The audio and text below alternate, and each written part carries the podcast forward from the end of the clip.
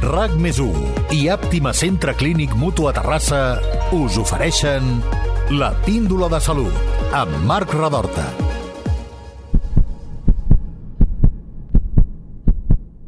La columna vertebral és una estructura extraordinària que combina ossos forts, lligaments i tendons flexibles, discos, músculs grossos, la medula i nervis molt sensibles. Està perfectament dissenyada per ser increïblement forta i per protegir les arrels nervioses, que són altament sensibles. El més fascinant és que, al mateix temps, la columna és molt flexible per facilitar-nos tot tipus de moviments. Però quan qualsevol d'aquests elements s'altera, acostuma a produir-se dolor a l'esquena. El mal d'esquena és molt freqüent i està entre les principals causes de baixa laboral entre persones menors de 50 anys. De fet, és tan freqüent que hem après a conviure mitjançant l'ús d'analgèsics i d'altres medicaments. Però les alteracions a la columna poden afectar-nos més del que ens pensem. A banda del dolor agut puntual, ens poden condicionar el dormir, el treballar i el lleure, tres aspectes fonamentals a les nostres vides. Avui volem conèixer d'on ve el mal d'esquena i fins on pot arribar. I, sobretot, què podem fer per evitar-lo. Ho comentarem amb dues persones que poden parlar amb molt coneixement de causa. La Marta, perquè l'ha patit durant molt de temps, i el doctor Carles Morera, perquè l'ha curat en molts casos. Entreu amb nosaltres a la consulta d'Àptima Centre Clínic Mutu Terrassa i us ajudarem a que la vostra columna i la vostra esquena no siguin més un problema.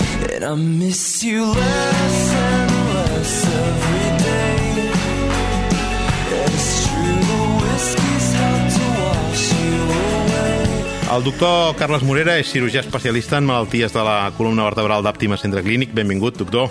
Gràcies, moltes gràcies per convidar-me. Eh, començo per una, una curiositat.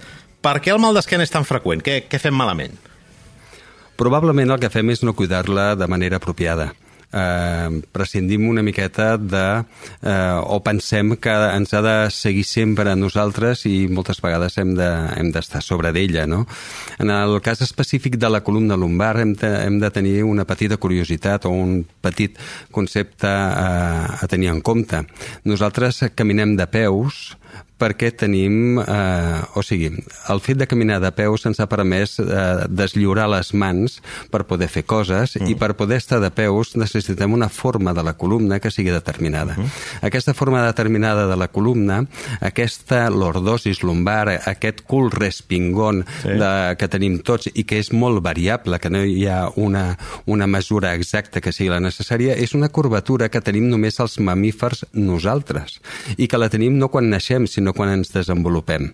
Aquesta curvatura fa que els discos lumbars, per exemple, siguin més amples de davant que de darrere. És, és quelcom que es va desenvolupant a mesura que nosaltres anem fent. Això s'ha de cuidar. Aquesta estructura, aquesta columna de peces amb discos, amb, amb gomes, necessita d'un entorn d'una musculatura, d'uns lligaments que siguin capaços de sustentar-ho i que sigui acord, que sigui apropiat per les exigències que nosaltres li fem. déu nhi um, a vegades tenim la impressió que, que el mal d'esquena s'ha d'assumir, prou. Que no podem fer gran cosa més que, que potser prendre un analgèsic. Eh, quins símptomes haurien de ser suficients per entendre que ens convé acudir a un professional? Habitualment la gent consulta per mal d'esquena, sí. em fa mal l'esquena, sí o per la discapacitat que això li produeix en certes circumstàncies. Per les limitacions, eh? Per les limitacions. Aquesta és la consulta més freqüent. Uh -huh. Òbviament hem d'estar alertes al que nosaltres diem senyals d'alerta quan el mal d'esquena s'acompanya de febre, de mal estat general, de pèrdua de pes important, eh, o té una, una presentació preferentment a la nit, uh -huh. o eh, veiem que hi ha una alteració de la sensibilitat, de la força de les extremitats. Això ens ha de tenir en alerta i aquests sí que són punts importants de consulta. Per descomptat que el mal d'esquena el dolor d'esquena, sí. que, no és un, eh, que no és un diagnòstic, no deixa de ser un símptoma, sí, sí. el mal d'esquena, ja és prou preocupant moltes vegades com per generar, o la major part de les vegades, com per generar una, una consulta. Parlàvem de les alteracions, um, um, um, les problemes de columna ens poden provocar alteracions de tot tipus a la nostra vida diària. Quines són les més freqüents? Què, què, què deixa de fer la gent per culpa del mal d'esquena? Normalment la gent deixa d'estar bé, i per ah. tant deixa d'estar ben assentat, deixa de poder estar una estona de peus, deixa de poder caminar una bona estona, deixa de descansar bé per la nit, eh, té limitacions a l'entrada i al sortir del cotxe, eh, no pot eh, fer activitats molt moderadament exigents, Clar. com rentar-se la cara, que vol dir desequilibrar el tronc cap endavant, no? de sí. tirar el cos cap endavant. A vegades deixa de fer perquè Bueno. fa mal. Entenc que també deu d'haver-hi casos en els que només apareixen limitacions, potser quan portem el cos a situacions més exigents. No estic pen- pensant, per exemple, en els esportistes, no? Sí. Uh, estem en un moment que ens estem pensant que la, la màquina que tenim ens ha de servir per, per tot, no? I no només és per treballar o per fer certes activitats o per fer esport.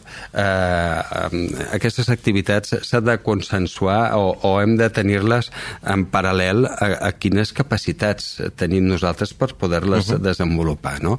Uh, estem en, en un moment en què ens estem exigint, per exemple, des del punt de vista esportiu, eh, hi ha tot un sector de la població que no en té prou en fer una mica de, sinó que ha de fer molt, molt, molt, sí. molt més. No? Eh, I això fa que portis la màquina, en el sentit de l'estructura Sí, sí, osteoarticular, el cos, a un punt de fatiga i que a vegades aquest punt de fatiga no té, no té retorn. Nosaltres sempre diem que nosaltres ajudarem a que la gent faci esport d'alta competició o d'alt rendiment, però que han de ser conscients de que estan tenint un cotxe que pot ser més bo o més dolent, però que l'estan posant en un circuit, l'estan fent servir a altes revolucions, i això vol dir que invariablement hi haurà peces que es fatigaran ah. molt abans i que necessitaran un recanvi. Hi haurà més desgast. Sí. I, I les peces aquestes no són fàcils de trobar, com les d'un cotxe, eh? No ens suporten... No ens suporten. No, ens ho porten. Uh, com a pare, o com a mare, l'època de creixement de les criatures, um, la infància, l'adolescència, com s'ha de controlar que la columna estigui creixent correctament? Quins problemes poden aparèixer? Els, els protocols que tenen tots els pediatres a l'hora de valorar els nens, els nois i els adolescents ja eh, contemplen estrictament valorar que la forma de la columna sigui apropiada i si no fer una derivació per valorar-ho, no? Però el que hem de tenir en compte, doncs, és la forma, la, La- forma que té... l'escoliosi, no, que L'escoliosi, la deformitat amb escoliosi, que seria quan la gent està torta des de quan l'estan mirant de cara, Sí. o la cifosi, no? quan la gent té gepa, no? Que, que també hi ha presentacions familiars o presentacions que estan vinculades a alguna, a alguna malaltia. No? Llavors, en, la, en el creixement ens hem de fixar bàsicament en que els nens, si tenen dolor, el dolor també és important. Hem vist que hi ha una prevalència de dolor important en els nens i en els adolescents, entre altres coses, per exemple, per les motxilles que porten Correcte. en el, en el Sí, sí. col·legi. El dolor, el dolor per fatiga estructural, que diem, o sigui, perquè alguna cosa que està creixent i que s'està desenvolupant no acaba de- d'anar bé, i llavors amb nens esportistes doncs, eh, veiem fractures per estrès de, la, de parts de la, de la columna i hem de tenir en compte també la forma que té la columna. Jo sempre els hi dic als pares quan venen amb el seu fill eh, adolescent, que de cop i volta els hi han dit que té una deformitat X, que no s'angoixin, que moltes vegades és molt difícil de- d'haver-ho vist Sí. i que molts adolescents pues, busquen preservar extremadament la seva intimitat i els pares de cop i volta se n'adonen perquè estan a la platja i els hi veuen que tenen un ombro més alt que l'altre mm. o que tenen... Bueno, pues, sí, observar-ho, que sàpiga tothom que els protocols de pediatria mm. doncs, ja contempla el valorar que no hi hagin asimetries, que no hi hagin deformitats. Um, la columna supera. Sí. Com a cirurgià, quines, quines situacions, en quines situacions es planteja habitualment la intervenció? Suposo que deuen ser molt variades, però les més, les més freqüents... Bàsicament, per resumir-ho, amb dues situacions. Sí. En la que cal que superi i en la que la intervenció és una opció. En la que cal que superi és perquè tenim un problema que eh, s'ha d'erradicar. Per uh -huh. exemple, una fractura, un tumor, una infecció, un X, que sabem que el pronòstic depèn d'un procediment.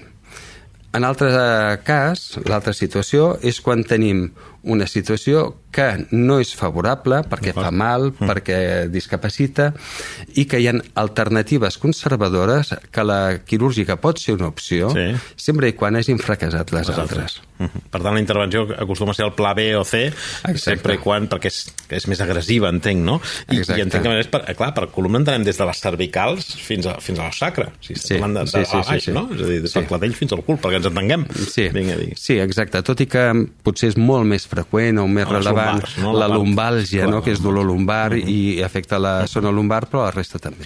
Molt bé, doncs introduïm en aquest punt de la conversa la Marta.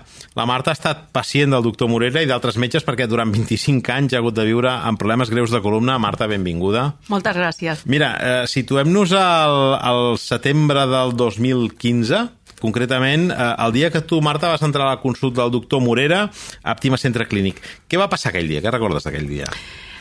Quan jo vaig entrar a la consulta del doctor Morera, li vaig explicar el meu cas, li vaig explicar que tenia uns dolors terribles, li vaig explicar que també patia moltes limitacions, uh, li vaig estar ensenyant totes les proves que jo portava, ell em va escoltar amb molta atenció i recordo concretament que hi va haver un moment que va veure una radiografia, es va posar les mans al cap i em va preguntar com era que podia caminar d'aquella manera.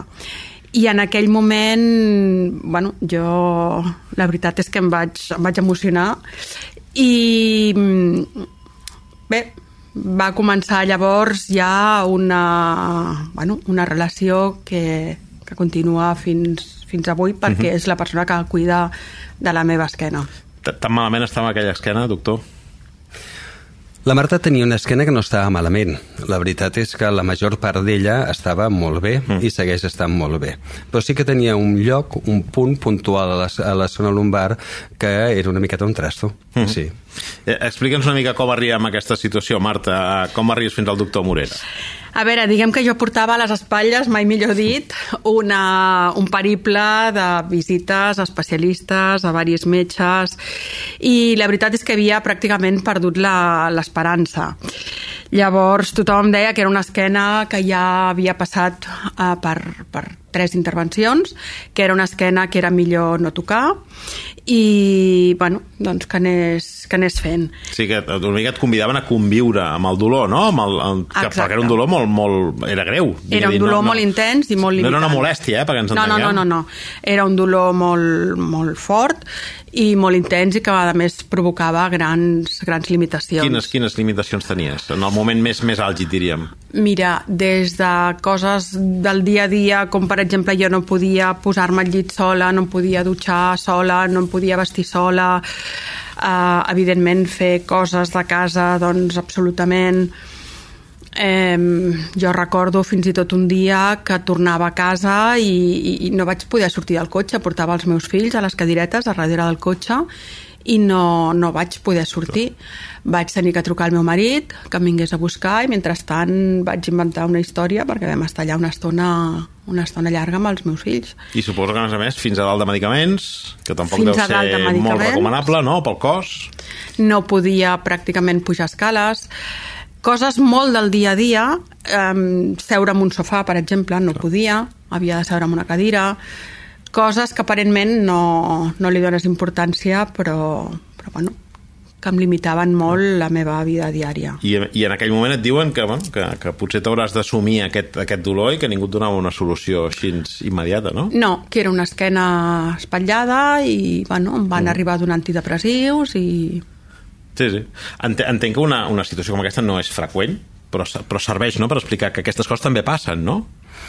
no és extremadament freqüent, ai, no és freqüent, però tampoc no és una raresa. Clar. No? Eh, són situacions que, que en el meu cas i en el, en el meu equip ens hi trobem ah, amb sí, sí. força freqüència. Sí. Mm -hmm. um, com es va enfocar, és a dir, quin plantejament es va fer d'aquest cas? És a dir, un cop, un cop es veu la, la situació, l'historial, tots aquests anys arrossegant aquest problema, eh, totes aquestes eh, segurament intervencions prèvies fetes per doctors diferents, eh, vas, com, vas comentar quan preparàvem el podcast que un d'ells havia mort pel camí, per qüestions doncs, X. Eh, clar, com, com, com, com s'orienta això? El que és més important és saber què li passa al pacient. Uh -huh. Per tant, el que per mi i per nosaltres és el més important és escoltar el que el pacient li passa primer, abans de veure les proves complementàries. Les proves complementàries a vegades et poden desviar l'atenció cap a algun lloc que realment no és l'apropiat. Per tant, el més important és saber què li passa al pacient i intentar-ho vincular després a les proves complementàries que t'aporta o que li demanaràs. -huh. I un cop fas una vinculació i hi ha una clara correlació entre una cosa i l'altra, valorar quina és l'estratègia de tractament que tu vols, eh, de quina manera tractar-ho allò comunicar-ho bé també, el pacient n'ha de ser conscient de que és ell el que serà tractat, Correcte. ha de, ha de saber de què li estem parlant, hem de parlar d'una manera que eh, sigui intel·ligible, que ho pugui entendre, què estem fent. No? Jo sempre, moltes vegades, quan em venen els pacients amb patologia lumbar i em diuen és que m'han dit que um, pot tocar la mèdula, jo sempre els dic, vigila, en la, en la columna lumbar no hi ha mèdula, hi ha nervis prou importants, hi ha la cua de cavall, hi ha els nervis que surten, però mèdula no, mèdula no, uh -huh. mèdula acaba més amunt, no? Però, per tant, establir què és el que li vols eh, fer, què és el que li pots oferir, quins riscos i què esperem que no sempre trobem el que esperem, però què esperem de la intervenció que nosaltres anem a fer. I en aquest cas, eh, què li veu fer? Que amb el vostre equip, quin, quin va ser el tractament? Bueno, vam intentar donar-li una estabilitat a una columna que no la tenia en aquell mm. moment i descomprimir les estructures neurològiques que per la falta d'estabilitat s'havien seguit comprometent. Uh -huh. eh, va ser una. Parar el procés inflamatori crònic, donar espai a les estructures neurològiques, uh -huh. els nervis, sí. la cua de cavall que hi ha aquí, estabilitzar això d'una manera consistent perquè no hi hagués que sempre pot haver-hi un després, sí. perquè la columna no s'acaba on tu operes, la columna s'acaba més amunt, sempre hi ha un més amunt, no? Però, o més avall, depèn d'on estiguis. Però donar-li eh, estabilitat, descompressió neurològica. Recordes com una intervenció complexa o, o no especialment? Les intervencions de revisió, i més quan ja ha sigut un pacient revisat diverses vegades, sempre tenen bastanta complexitat perquè l'anatomia que hi ha per sota de la pell no té res a veure amb la que t'agradaria trobar. Hi ha molta cicatrització mm. i tant de tot, dels músculs, dels tendons, mm. de l'os, dels nervis. Per tant, eh, sempre són cirurgies certament una miqueta complexes. Mm -hmm. Marta, com estàs ara? Com estàs? Què pots fer ara que no podies fer abans d'aquesta darrera intervenció? Doncs puc fer moltes coses. Ara tinc autonomia, petites, grans coses del dia a dia que, que no per ser petites no deixen de ser capdals. Jo ara, a veure, mm, agafo el cotxe, eh, puc conduir, puc fer caminades, eh, puc fer més o menys coses a casa, eh, tinc autonomia amb les meves coses, dutxes, eh, em vesteixo, en fi, puc fer moltíssimes vida, coses. Vida pràcticament normal, no? Pràcticament. Pràcticament. Hi ha alguna limitació? Pràcticament. no ens arriben als Jocs Olímpics, eh? Amb Els propers, alguna limitació però... sí, i bueno, el doloret està allà, Sí? és ja un company de vida, però, però bueno, a nivell de limitació la veritat és que molt millor. Després de, de la teva dura experiència, què li diries a algú que comença a patir mal d'esquena, Marta? Jo, algú que comença a patir mal d'esquena, li diria mm, dues paraules que a mi m'han ajudat molt. Doctor Morera. Carai. És a dir, Carai. a mi mm, m'ha ajudat molt.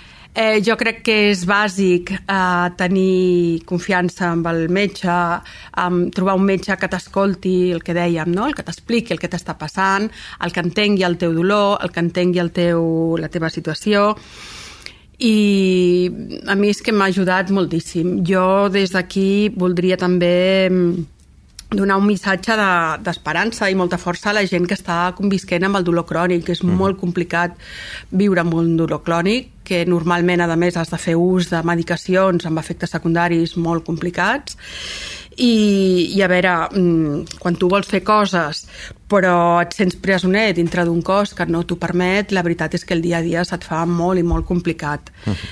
Llavors, des d'aquí, si em permets un petit apunt, molt petit, doneu-vos les gràcies per donar veu amb una patologia que, bueno, és molt freqüent, i bueno, tothom té mal d'esquena, Sí. bueno, sí, jo també tinc mal d'esquena, Sí, sí, sí. però pot arribar a ser molt complicat viure amb un mal d'esquena invalidant. Gràcies i sobretot volia agrair també al doctor Morera mm, per la seva professionalitat i per la seva vessant uh -huh. humana que et fa sentir doncs, en tot moment entenent el que t'està passant, entenent el que s'ha d'anar fent i, i el seu equip, que té un equip fantàstic. Doncs, en dues paraules, doctor Morera, eh, després de tants anys veient columnes malmeses, no només la de la Marta, perquè has fet eh, centenars d'intervencions i, i n'has vist centenars, quin missatge final enviaries, enviaries a la gent? Bàsicament, jo el missatge que, que donen aquí i que donen habitualment és que la gent es cuidi. Uh -huh. Que ens cuidem, ens hem de cuidar tots una miqueta. Ja les coses poden anar malament, una de les variables o un dels motius més importants en què tinguem dolor no depèn de nosaltres, és la nostra forma de tenir els nostres teixits i la capacitat que es desgastin, etc. Això no hi podem fer res, però amb la resta de coses sí, ens hem de cuidar una miqueta. No? I que eh, hem d'escoltar també i que nosaltres la nostra feina no només és operar la patologia, sinó que és eh, prevenir-la, informar, eh, documentar, no? eh, que la gent tingui més coneixement de quina manera pot evitar que això acabi sent un problema. Doncs això també, aquest era també l'objectiu d'aquesta píndola de salut d'avui. Moltes gràcies als dos, Marta, doctor Morera, per haver volgut acompanyar-nos i compartir la vostra experiència en aquest podcast de, de la píndola de salut. Fins a la propera. Gràcies a vosaltres vosaltres. Moltes gràcies.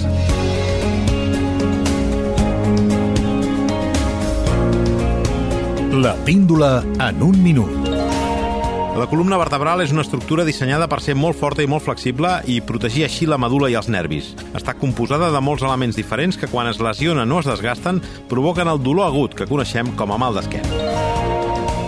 El mal d'esquena és molt freqüent, fins al punt que està entre les principals causes de baixa laboral entre persones menors de 50 anys. Aquest dolor es pot prevenir amb un estil de vida saludable, amb una activitat física constant però moderada i escoltant molt el propi cos. Les intervencions quirúrgiques es reserven per casos en els que els problemes només es poden resoldre passant pel quiròfan o quan han fracassat prèviament tractaments més conservadors.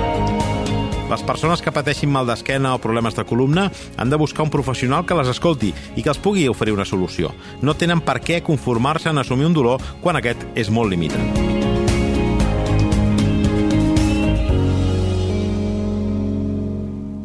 RAC més i Àptima Centre Clínic Mutu a Terrassa us han ofert la píndola de salut amb Marc Radorta.